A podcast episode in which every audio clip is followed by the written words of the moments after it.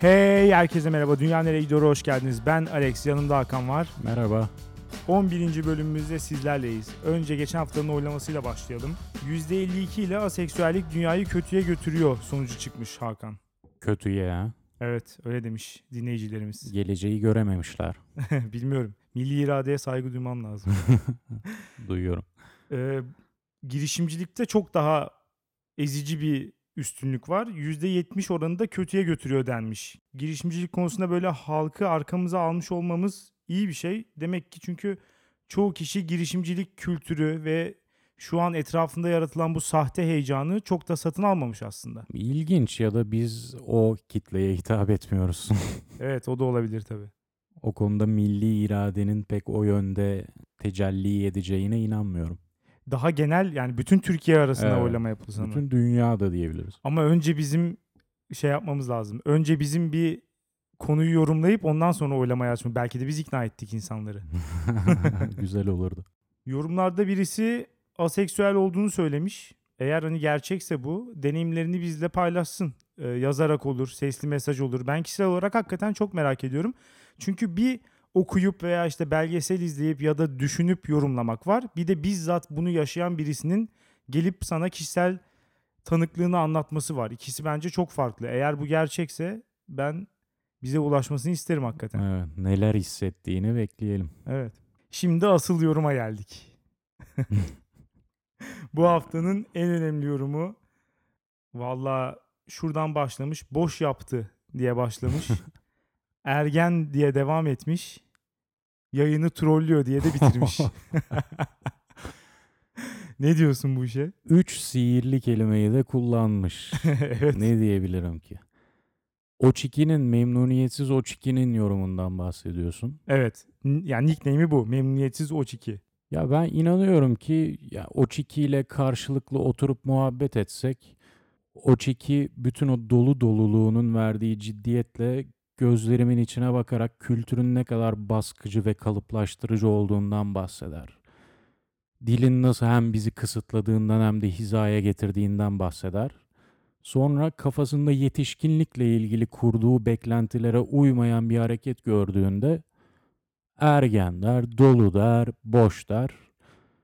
Halbuki bu Oçiki yetişkinliğe sindire sindire adım atamadığı için yetişkinlikle ilgili büyük beklentiler yaratmıştır kafasında ama alışmamış götte dondurmayınca utanç içinde aşağılık kompleksine katılıp etrafa ergen demeyi daha tercih etmiştir. Büyük ölçekte yalnız değildir aslında Oçiki geç gelişmişliği yüzünden gelişmişlikle ilgili büyük beklentiler yaratmış ve beklentiler altında ezilerek aşağılık kompleksine kapılmış bir ülkenin ürünü aslında o çiki. Büyük ölçekte Türkiye varken küçük ölçekte de o çikiler var. Onlar da etrafa ergen diyen öte yandan yetişkin olmak için kendini ne kadar kasarsa kassın ne kadar kalıba sokarsa soksun asla tam olarak öyle hissedemeyen insanlar maalesef. Umarım iki satır yazdığından yeterince ofansif genellemeler üreterek memnuniyetsiz o çikiyi azıcık da olsa memnun edebilmişim. Bilmiyorum valla. Gayet doyurucu bir cevap oldu gibi geldi bana. Ama onda tabii cevap hakkı var. Yorum kısmımız her zaman açık. Ayrıca Daha bir de uzun bir şunu da bekliyorum. Şöyle yazmış. Adam bastırmayı savunuyor. İşe bak smiley. Pardon. Argümana bak smiley. Evet. Yahu buydu. ben hiç değilse bir fikir sundum ya. Senin argümanın smiley. Bir smiley'e bir argüman sındırdığımız. Küçümseme, küçümseme yoluna gitmiş. Evet. Argümanı bunun üstüne kurmuş. Kendisinden dolu dolu bastırmanın kötülüklerinden bahsettiği ve nasıl işe yaramayacağından bahsettiği bir yorumda bekliyorum. Ama uğraşmayabilir bile. Yani o kadar değersiz görmüş argümanını. Vakit ayıramam diyor. Evet. Buna cevap vermeye vakit ayıramam. O kadar saçma bir şey söylemiş diyor. Evet, kendisi mutlu bir insan çünkü düşünceleri daha havada kapıp kategorize edip daha kulaktan girmeden kategorize edebilen bir insan. O yüzden mutlu olduğuna da inanıyorum. Çok da memnuniyetsiz olmayabilir hayatta. Bu söz dalaşının devamı yoksa istersen konumuza geçelim yani. Devam edebiliriz. Benim bu haftaki konum internet servis sağlayıcıları dünyayı kötüye götürüyor. Hangilerinden bahsediyoruz? Hepsi. Hepsi ve sadece Türkiye'dekiler de değil bütün dünyadakiler. İnternet servis sağlayıcıları deyince belki bu terimi duymamış olanlar vardır. Mesela Türkiye'deki örnekleri TT-Net, Süper Online, Uydunet, Vo- Vodafone'da girdi şu an falan. Bunların hepsinden bahsediyorum. Hiçbir Bunlar- arasında fark yok çünkü. Bunlar bir elin parmağını geçmiyor değil mi? Bir de özellikleri bu aslında. He, aşağı yukarı evet 5-6 tane falan var. Türkiye'de öyle. Neden bu sektör bir şekilde tekel oluyor? Tekel değil yani birden fazla var sonuçta. Ama kartel oluyor. Evet. Biraz öyle bir durum var. İstersen önce bir geçen gün başıma gelen bir olaydan bahsedeyim. Ondan sonra tekel, kartel bunların faydaları, zararları oradan devam ederiz. Tamam. Geçen gün yine her Türk insanı gibi evde oturup internette bir şeyler yaparken durduk yere internetim gitti. İlk anda bir şey tepki vermedim. Sonra çok telaşa kapıldın muhtemelen. Te- yani çünkü uzun süre gelmedi. Sonra geldi kendiliğinden. Bir şey yapmadım. Ertesi gün aynı şey. Ertesi gün aynı şey. Ertesi gün aynı şey. 3-4 gün olduktan sonra dedim ki ben bunu arayıp çözeyim müşteri hizmetleriyle. Çok da fazla umudum olmamasına rağmen bunu deneyeyim dedim. Hı hı. Aradım. Operatör çıktı. Benim için iyi bir şey. Robot ses. Ben olabildiği kadar insanla ne kadar az konuşarak halledebilirsem benim için o kadar iyi. Ve ne kadar kısa sürede halledebilirim benim için o kadar iyi olur. Yolunu kendin bulacaksın orada. Aynen öyle. Operatör geldi. Üye numaranı tuşla. Tuşladım. İşte soruyor bana. Sorun kablosuz ağla mı ilgili, internetle mi ilgili? Kablosuzla ilgili ise biri tuşlayın. İnternet ise ikiyi tuşlayın. Böyle sorular soruyor. Cevaplıyorum 1, 2, 1, 2. 10 dakika oyalıyor beni. Hı hı. Sürekli soru soruyor. En son bütün sorular bittikten sonra şu an modeminizin yanında mısınız? Modeminizin yanına gidin dedi. Ben de gittim bu sefer diyorum ki bütün bu bilgileri öğrendi. Şimdi sorunun çözümü için beni gerçek insana bağlayacak. Ben de onunla konuşarak meseleyi halledeceğim artık neyse mesele. evet. Modemin yanına gittim. İşte tuşa bastım. Bana diyor ki modeminizi açıp kapatın. Tak suratıma kapattı. Yok artık. evet bunu yapan robot. 10 dakika sonunda robottan aldığımız fayda bu. Yapay zeka bu kadar Heh, ilerleyebilmiş. demek. aynen öyle. Hadi bakalım Özgür Demirtaş neredesin? Elon Musk neredesiniz siz ya? Robotu gördük. Henüz genel kültüre o kadar sirayet edemediler Ne tabii. genel kültür, ne nezaket. Hiçbir şey yok. Sorunumu da çözemedi. Kapat aç dedi suratıma kapattı. Ya zaten onu 10. saniyede de anlayabilirdik. Hayır, niye beklemiyor peki? Sen kapatıp açtın düzelmedi diyelim. Ne, neden ya? Düzelmediyse bir daha arayıp bir 10 dakika daha robotla şey yapacaksın. Pimpon oynayacaksın 1'e 2'ye basarak. Ya Bu sefer sonucunu bilerek hem de. Evet. Ama mesela bu tekil bir tecrübe evet ama gayet genellenebilir bir tecrübe. Bunu şu an bizi dinleyenler de, dinlemeyenler de, Türkiye'deki insanlar da, Amerika'daki insanlar da herkes yaşıyor. Çünkü internet servis sağlayıcılarının müşteri hizmetleri anlayışı budur. Sorunu çözmemek, olabildiği kadar ertelemek, müşteriyi çıldırtmak, kanser etmek. Ama bir yandan da onlar en gelişmişi değil mi? İşte robot koymuşlar işin başına daha ne olsun? Koymuşlar elimizde geçen şey bu. Ha, insan bunu yapsa daha mı hoşnut olurdum? Efendim kapayıp açın deyip pat diye suratına kapasa. Yani ya- öyle yapsa hoşnut olmazdım ama en azından 30 saniyede halletmiş olurduk yani. Merhaba merhaba kapat aç deyip suratıma kapatsa en azından hani 15. saniyede falan bu konuşma bitmiş olurdu. En, ya bende bir beklenti oluştu. Robot böyle bir şeyler soruyor falan. Bu iş oldu dedim ben bu sefer. Tabii insan kolay kolay soramaz bunu. Çünkü biraz işin içinde karşı tarafı aşağılama da var ya. Kapatıp açmayı akıl edemedin mi diye. Çünkü içinden Aynen öyle. düşünürsün bunu Aynen sorarken. öyle. O yüzden bir çekinir. Robota söyle ver komutu söylesin sana. Hakan en düşük müşteri memnuniyeti. Kimdeymiş? En nefret edilen şirketler listesinin en tepesi. Her sene ambargo koymuş internet servis sağlayıcıları. Asla birinciliği bırakmıyorlar. Bunların hepsi sıra sıra dizilmiş mi tepeye? Evet. Ya teknoloji geliştikçe bir hizmetin veya ürünün fiyatının düşmesi, kalitenin de artması lazım değil mi? Niye geri gidiyoruz biz? Ama şu da var şimdi. Bu insanlar dünya üzerindeki neredeyse herkese hizmet veriyorlar. Evet. Bütün herkesi kapsamışlar. Mesela bir çamaşır makinesi satan biri sadece belli bir kitleyle muhatap Olur oluyor. mu? Her evde çamaşır makinesi yok mu? Her evde de bir tane modem var işte. Niye beceremiyor bu adamlar? Çamaşır makineleri çıktığında neydi şimdi ne oldu? Ama İnternete çamaşır- bak. Çamaşır Geri gidiyor. makineleri tekil bozuluyor ama. İnternet bir bozuldu mu bir bölgede bozuluyor mesela. Sadece Ya senin bölgede evinde de değil. bozulabiliyor, tek de bozulabiliyor. Tek olayı var bozuluyor. Kesin bozuluyor yani. Yani Sürekli bozuluyor. Veya işte bu klasik ekonomi anlayışında ne denir? İşte rekabet arttıkça fiyat kırılır. En iyi hizmeti veren, en iyi fiyatı veren şirket güçlenir. Böylece diğer şirketler de ona yakınsar falan. Evet. Böyle anlatılır değil mi? Ya niye göremiyoruz bunu? Türkiye'den bakalım. Baştan sadece TTNet vardı. Nasıldı? Çok kötüydü değil mi? Hı hı. Şimdi TTNet'in yanına QuickNet geldi. Vodafone geldi. Uydunet geldi. Bilmem ne geldi. Kablonet geldi. Bir bakıyorsun yine aynı. Hiçbir gıdım ilerleme yok. Ama rekabet de yok aslında ya. Bunlar ne? Kaç tane var? 5-6 tane mi? 5-6 Kaç? tane var işte. Evet kartel olmuşlar yani. Evet. Herhalde fiyatları da konuşup ayarlıyorlar. Bunlar devlet destekli malı götürüyorlar. Benim bu arada anlamadığım bir şey de var. Sen belki biliyorsundur. Bunların sunduğu, yani ürettiği bir şey yok değil mi? Sadece bir yerden sinyal geliyor, bir yere gidiyor. Altyapı. Bunlar Sadece da, altyapı harcamaları var. Onların da çoğunu zaten Türk Telekom devletin şirketiyken hepsi kabloları döşemiş bizim vergilerimizle. Şimdi ben de diyorum ki madem öyle ya bize bir daha bir vergi artışı yapsınlar. Zaten her türlü vergi ödüyoruz değil mi? Evet. En azından internet altyapımız tamam olsun. Şirketin falan elinden al. Bütün hepsini bizim vergimizle tekrar sıfırdan döşesinler bütün hepsini. En azından kanser olmayalım ya. Türkiye dünya hız sıralamasında internette 71. Birçok sıralamaya göre iyi durumdayız aslında. Ama Türkiye dünyanın en büyük 18. ekonomisi. Ya en azından bir 20. 25. olması beklenir. Hızı da saniyede ortalama 7.6 megabitmiş. Mesela birinci Güney Kore 26.1 megabit.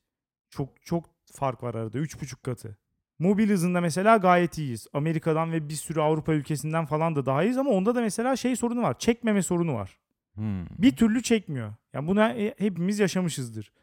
Artık ne yapıyor yani ne yapıyorsanız yapın. Şu telefonlar çeksin.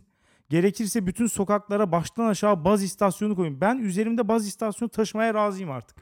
Kalp pili gibi böyle vücuduma şey yapacağım. Açacağım kalbime baz istasyonuyla gezmek istiyorum ben. Kanserse kanser ya. Telefon çeksin en azından. Yaşarken ölmeyelim yani. Hayır işte bu yaşarken ölmek değil ya. Bazı yerlerde de çekmesin hatta bile bile çektirtmesinler. Çünkü biraz da kafanı kaldır şu telefondan. Ya istemiyorum kaldırmak. Kaldır ama bu senin iyiliğine. Ya bu, bu, bu kısmı ayrıca tartışılır. Ama mesela şuna ne diyeceksin? Netflix Türkiye'ye girdi. Değil Evet. mi? Açıyorsun internetten dizi izliyorsun, film izliyorsun. Parasını verip alıyorsun. Netflix'in olayı ne? Sahip olduğun internet hızına göre sana en kaliteli görüntüyü veriyor değil mi? Seçme şeyi bile yok. Seçme şansın Hmm. yok. Ayarlar butonundan seçemiyorsun. Neden? Çünkü adamların aklına bile öyle bir şey gelmemiş. Bu Türkiye'deki kota mantığı adamların aklına bile gelmemiş. Türkiye'de Netflix'in varsa açıyorsun internetin nispeten hızlıysa tak diye HD açılıyor. İki bölüm izliyorsun kaliteli diziyi sonra kotayı dolduruyorsun. Ayın geri kalanına Survivor'ı ve İstanbul'da gelin izleyerek devam ediyorsun. Bu Türkiye gerçeği bu. İnsanlar en iyisinden başka bir şey isteyemez. diyor. Tabii neden istesin diye. Onu akıllarına bile gelmemiş adamların. Ya şu var ya 2017 yılında şunu yapan insan var. Kotası dolmasın diye YouTube'u açıyor. Yine aynı şekilde otomatik kalite ayarındaysa 1080p HD açacak mesela. Hı hı. Haldır uldur hemen ayarları tıklamaya çalışıyor ki şey olmasın. Aman 1080'de açmasın. 360'a 240'a düşürüyor onu. Ki yeter ki kotası gitmesin. Ya böyle bir şey olabilir mi? Bu kadar acıklı bir görüntü. Ya biz bizim günahımız ne? Niye böyle bir şey yaşıyoruz biz? Ya Ama başka bir ekonomi prensibinden de bahsedecek olursak ekonomi arzuların sınırsız olduğu yerde ve kaynakların kısıtlı olduğu yerde malların dağıtımıdır diyorlar. Gerçi Evet. ben burada arzular sınırsız oldu mu kaynakların nasıl kısıtsız olabileceğine akıl erdiremiyorum. Bunu ilk Kaynaklar bulan kısıtlı. insanın işte nasıl kısıtsız olsun ki arzuların sonsuz. Ha, Bunu evet. ilk düşünen Mantıken insana zaten aynı. e, etrafında birinin sen sapık mısın de- dememiş ve bunu kabul ederek bir bilim oluşturmuşlar bunun üstüne. Senin arzuların da sonsuz. Her an her yerden full internetim çeksin Evet. ve tam çeksin. Beni Evet. her zaman en iyiye götürsün. Aynen diyorsun. öyle. En hızlısı olsun aynı zamanda. Ya olan ülkeler var. Ben Ha. imkansız bir şey istemiyorum. Belki de bu yüzden kaynaklar kısıtlıdır. Hayır kaynaklar kısıtlı falan değil ya. Gayet bir veri trafiği var. Ne kadar fazla para harcayıp düzgün bir altyapı kurarsan o kadar rahat ve hızlı internete sahip olabiliyorsun. Bizimkiler yapmıyor yani. Yatırım yapmak istemiyorlar buna. Çünkü nasıl olsa her türlü müşteriyi sikme ihtimali var adamın. Biz yani ne yaparsan yap kabul ediyoruz nasıl olsa. Kabul etmek zorundayız yani. Ee, Başka bir sağlayıcı yok. Tek Evet. bunlar çünkü. Şimdi mesela gündemde şöyle bir şey var. BTK devletin kurumu. Şöyle dedi. Adil kullanım sınırı kalkacak. 2019'a kadar geçiş sürecindeyiz. 2019'dan itibaren adil kullanım sınırı diye bir şey olmayacak. Bu geçiş sürecinde de hafifletilecek. Ama ş- yani adil kullanım sınırı baştan niye var? Önce bunu bir sorgulamak lazım değil mi? Bu ne, neden sonra geldi? Eskiden kotalar vardı. Kotalar çok fazla tepki çekti. Ondan sonra yerine bu adil kullanım sınırı. Resmen bir terim değişikliğiyle Hı hı. böyle bir şey getirdiler. Peki bunu gören insanlar şimdi ne diyor? Kota gitti, adil kullanım sınırı geldi. Şimdi 2019'da adil kullanım sınırı gidince yerine yine bir şey gelecek. Başka Çünkü- bir kısıt. Aynen öyle ve haklı çıktılar. Şu an gelmeye başladı bile. Bu geçiş sürecine geçildiği için şimdi internet servis sağlayıcıları kotaları tekrar getirmeye başlamışlar.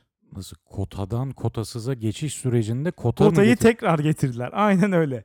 Kotalıların fiyatlarını düşürüyorlar. Adil kullanımların fiyatlarına deli gibi zam yapıyorlar ki yine millet kotaya dönsün. Ya adamların yaptığı şeye bak. Hiçbir sorumlulukları yok. Hiç kimseye karşı. Kural getiriyorsun etrafından dolaşıyorlar. Ya sanki bu şirketin amacı internet hizmeti sunup karşılığında para kazanmak değil de bir şekilde müşterisini dolandırmak. Yani organize bir böyle suç örgütü gibi adamlar. Hani şirketi kurmuşlar o paravan. Hizmet kısmı paravan. Kandırma böyle. Bunun üzerinden hakikaten yürüyorlar. ben bir hizmet olduğuna inanmıyorum. Hizmet robotlarda işte müşteriyle konuşan robotlarda. Onun haricinde veri oradan oraya akıyor ya. Bunlar komisyoncu aslında. Buraya ben el koydum diyor. Burası benim. Devlet de arkamda. Buranın hiçbir şekilde rekabete açılmasını istemiyor. O da destekliyor bunu. Ya da bir miktar açılmasına izin veriyor sadece. Evet. Ve bu yüzden ben buradan komisyon alacağım. Ya komisyonunu alama alırken düzenbazlık yapma yani adamlarda şeyin hilenin sınırı yok. Mesela şey var ya klasik 25 megabit diyor ama işte ucunda bir tane yıldız var bakıyorsun 9 puntoyla 25 megabite kadar demiş mesela. Ama öyle. 15'in üstünü gören cennetlik Ya- yani öyle bir durum yok asla göremiyorsun 15'in üstünü. 49 TL'den başlayan fiyatlarlının aynısı bu işte. Evet. Onlar da onu da yapıyorlar zaten. Veya yine birçok kişinin başına geliyor. Doğru düzgün internet kullanmıyorum. Yani neredeyse hiçbir şeye bakmıyorum. Ayın 10. günü SMS geliyor. Zaten artık internet servis sağlayıcımdan SMS geldiği zaman ecel telleri dökmeye başlıyorum. Yani bu stresle yaşanmaz. Bir geliyor internet hakkınızın %80'ini kullandınız daha ayın 10. gününde. Kusura bakma ama ben buna inanırım. Nasıl gidiyor diye düşünme yani. Hayır Her ya. ara sokakta dahi ben internetin çekmesini istiyorum. Çünkü o an Twitter'a bakacağım, videomu izleyeceğim, şunu yapacağım, bunu yapacağım diye az önce Ya bir sürü de kotam var ama dolduracak hiçbir şey yapmıyorum ki. Nasıl olsa benim kontrol etme şansım yok. Benim görüşüm bu. Kontrol etme şansım yok. Adamlar oradan geçiriyor resmen bana. Hmm, Nereden bileceğim hakikaten harcayıp harcamadığımı? Sen harcıyorsundur. Seni tanıyan biri olarak bunu gönül rahatlığıyla Ya söylüyorum. yok nereye gidiyor bu internet? Ne yaptık? Bir şey benim bir tane keyfim var. İşten eve döndüğümde açarım YouTube'dan iki bölüm Pepe izlerim. bir tane keyfimiz var. Onu da mı yapmayalım ya? Onu da, ya, onu da takıla takıla mı izleyelim? Belki Pepe'ye bir istisna yapabilirler. Pepe'de adil kullanım yok. Öyle bir şey. Sınırsız Evet, Pepe. en azından o gelsin. Böyle tarife sayfasına giriyorsun karman çorman. Kimse anlamasın da yanlış tarifeyi alsın. Bütün şey böyle. Hep böyle bir alavere dalavere ya. Bir şeyde düz normal olmuyor yani. Her taraftan söğüşlemeye çalışıyor adamlar. Ama sizin için önerilenler sayfası yapıyorlar onlar biliyorsun. Ya İşte- sen girersen oraya şimdi sana ne önerecek? Arzuların sınırsız internet konusunda. Bana şunu önerecek. Premium, Premium Business Max. Ger- ya gerçekten sınırsızlar var mesela. Kotasız ve adil kullanım sınırı da olmayan, gerçekten sınırsız olan kaç para biliyor musun? Kaç? 200 lira. ayda. Maşallah. Hakikaten yuh ya.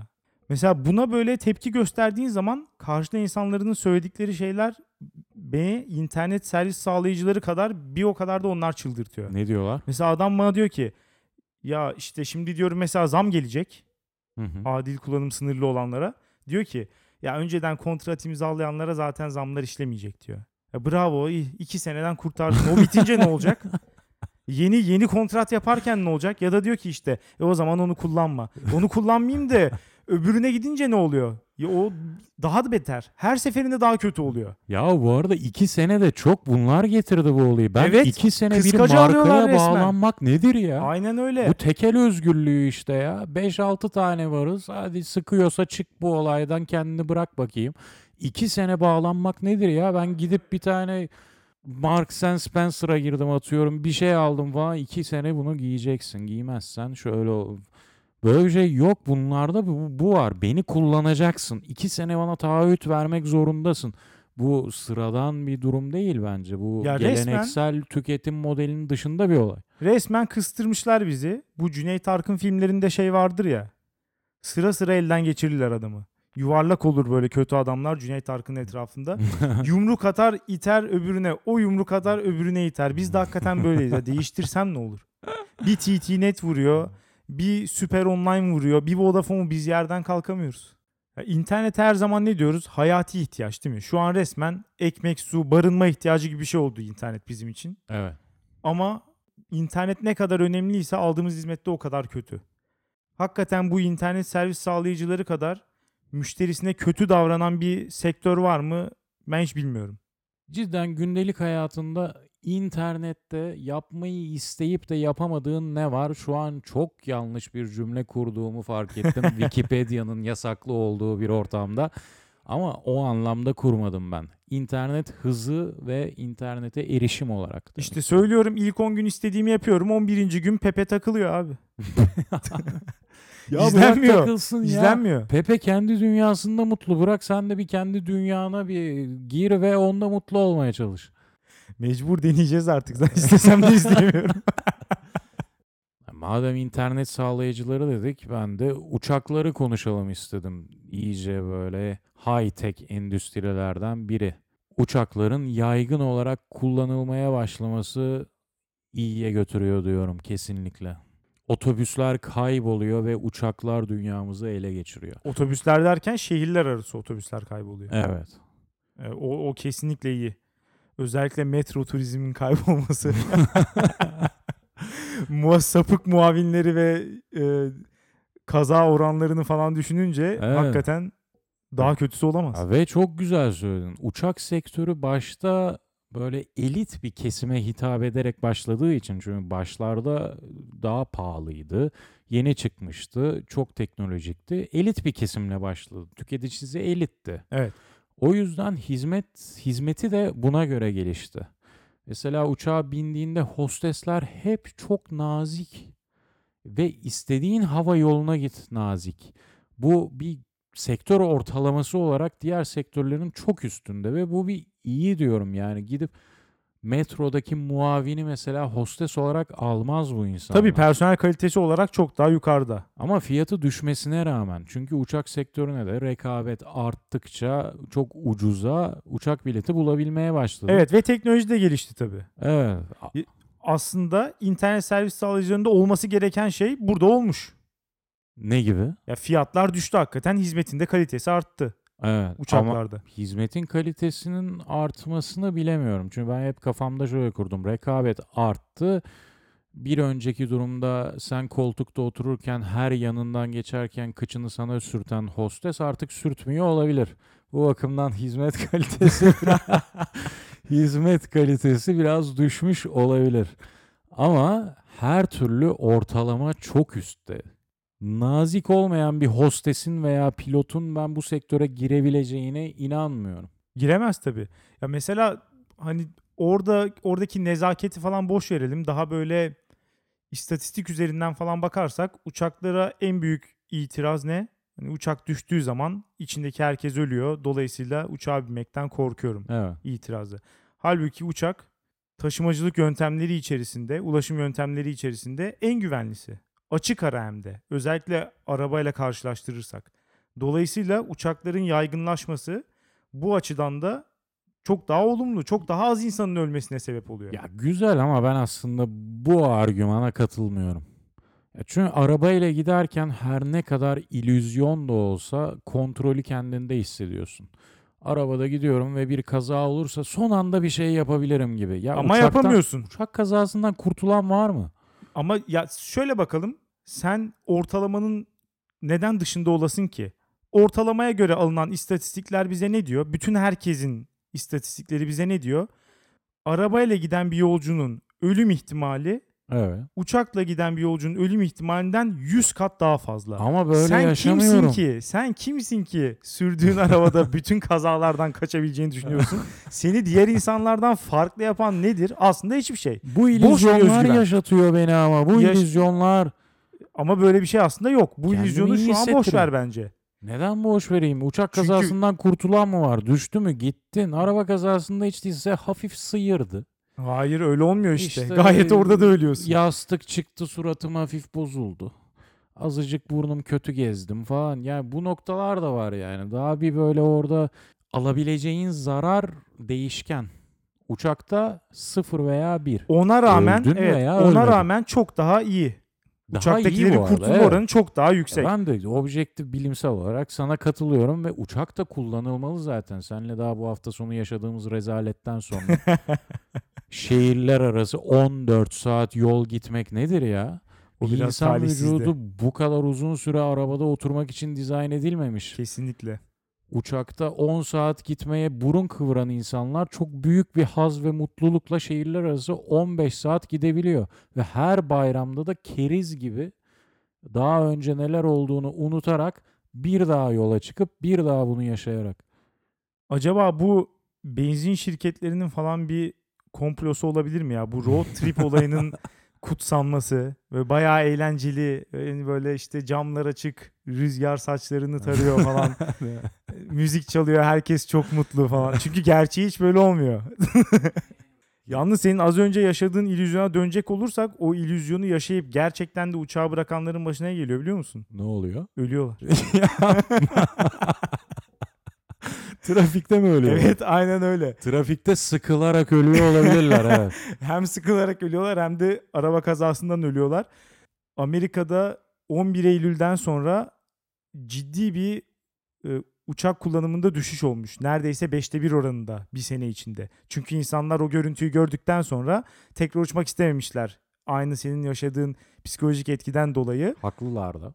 Evet ve ne olmuş biliyor musun sonucunda? Uçak kullanımı %20 düşerken araba kazasında ölenlerin sayısı 1500'den fazla artmış. Ya bu bu matematiksel oranlara inanmıyorum. Her şey ortada. Her şey ortada. İster inan ister inanma. Ya Sen bana- araba kullanmaya devam et istersen. Ay o yüzde yirmi mi gitti arabaya bindi ve ya öyle bir anlatıyor ki bu istatistikçiler olayı sanarsın evet o 5 kişiden biri uçağa binmedi ve dedi ki ben Arizona'ya arabayla gideyim ve yolda Evet, bir anda Kesin kamyon öyle oldu. ezdi. Kesinlikle böyle oldu. Böyle şey mi olur ya? Korelasyon nedensellik demektir. Yalan. Yalan. İstatistik bilimini bu podcast'te çökerteceğiz. İstatistiğe daha başlarken bu öğretilir. Tabii canım ona, onunla referansla söyledim zaten. Ama bunu öğretmene rağmen de hiçbiri bunu düşünmez bu arada. Şu an düşünüyorum da istatistikler de bunu sürekli ihlal eder yani. Yapıyorlar evet değil mi? Çok sık yapıyorlar. Birbirlerine söylüyorlar sonra da bunu. Evet öyle bir anlatıyorlar ki aa öyle mi tepkisi veriyorsun. Halbuki muz yeme oranıyla uçak düşme oranını kıyaslayıp işte muz yiyenler uçakta ölüyor falan gibi Ama eğlenceli ya. Bence ama. güzel. Ben seviyorum Evet gerçekten. Evet, fal gibi biraz da yani. Evet. Ona göre hayatını öyle yaşayacaksın işte. Korkup da uçağa binmezlik yapmayacaksın. Evet, falımda ne çıktı bugün? İstatistik bana ne söylüyor? Peki çevresel etkileri ne ediyorsun? Senin için önemli mi? Uçakla gitmek bir yere trenle gitmenin 29 katı daha fazla karbon salımına neden oluyor. Ay, hiç umurumda değil. ya inan bana bu konuda hassasiyetim sıfır. Çünkü ben orada zamanımı veriyorum. Uçakla bir saatte gidebiliyorken eğer trenle 5 saatte gidiyorsam ben o 4 saat için ozonu 2 santim yararım. benim için budur. Ben kendimi düşünüyorum diyorsun. Gelecek nesilleri düşünmem. O an düşünmüyorum ya şu, Şu, an hafta- şu an düşünüyor musun? E ki o kadar da fark edeceğine de inanmıyorum deyip Amerikan Cumhuriyetçilerin moduna Evet, şu evet. an sokuyorsun beni ama sen zorluyorsun bana bunu.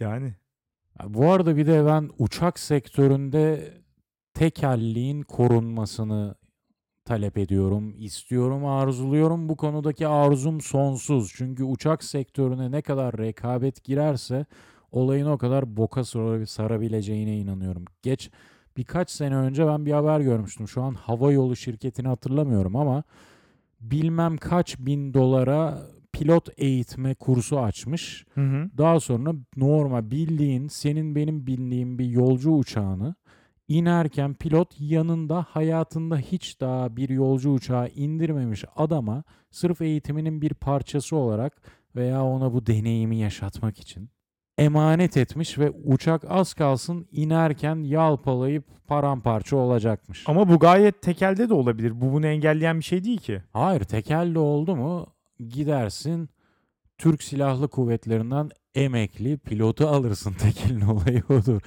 Ki ben askerin kullanmasını istiyorum benim uçağımı. O ölümün gözünün içine bakmış ve serin kanlılığını korumuş adamın uçağımı kullanmasını istiyorum. Ben de asker tercih edebilirim de asıl şeye geri dönmek istiyorum. Tekel olmaması fiyatların düşmesi açısından çok iyi. Ben mesela büyük bir Ryanair destekçisiyim. Hı hı. Gerçekten çok düşük fiyatlar. Mesela onun CEO'sunun bir şeyi vardı, açıklaması vardı insanları ayağa kaldıran. Bundan sonra ayakta yolcu taşıyacağız diye. Arkaya dolmuş stili. Neden olmasın? Hakikaten İnsanlar olsun. neden insanlar neden buna tepki gösterdi? Ben mesela tercih Vizyoner. edebilirim. Vizyoner. Vizyoner kesinlikle. Ben öyle bir uçakta gitmeyi tercih edebilirim eğer kısa bir uçuşsa. Evet. Yani bize uçakta oturmamız gerektiğini kim söyledi? Nereden çıkıyor bu? Bu zamana kadar böyle gelmiş diye otobüste yarım saat ayakta gitmiyor musun bazen? Ben bazen metroda 40 dakika ayakta gidiyorum. Oluyor yani. Gayet de gidi- gidilebiliyor. Demek ki uçakta da gidebilirsin. Evet. O zaman haklısın. Belki daha rahat bile gidersin. Çok daha az sallanacak, hiç durmayacak falan. Evet. Haklısın bu arada. Tekel tekelliğe tamam itiraz ederim. Rekabet artsın, fiyatlar düşsün ama çok ağır devlet regülasyonuna tabi olsun uçak sektörü. Zaten biraz öyle. ve olmaya devam etsin, artarak devam etsin. İstersen şey yapalım. Bir tane tekel, bir de Ryanair. o da güzel olur. Ucuz ucuz hissediyorsan Ryanair'la o gün hani önemli hissediyorsan Ama Ryanair'dan bilet bulabileceğimizi sanmıyorum o durumda. Ryanair'da business uçalım. Böyle bir şey olur mu yok, acaba? Yok. Bel- Belki ilerleyince rekabet artınca olur. Yeni yeni kavramlar girer hayatımıza. Businessçılar şey minderi arkasında yayabiliyor. Onlar da ayakta. Bugün hem havayolu sektörüne hem de internet sağlayıcıları sektörüne yön vermiş bulunduk fikirlerimizle. öyle? Çok değerli fikirlerimizle. Milli iradenin şekillenmesine bir katkıda bulunabildiysek ne Evet güzel. ona bakacağız milli irade demişken dünyanereyegidiyor.com'da anketimize oy vermeyi unutmayın. Her zaman olduğu gibi her türlü yorumunuzu bekliyoruz. Hakan'ı kızdıracak yorumlar olursa daha iyi olur. Bizi dinlemeye devam edin. Haftaya salı görüşürüz. Güle güle.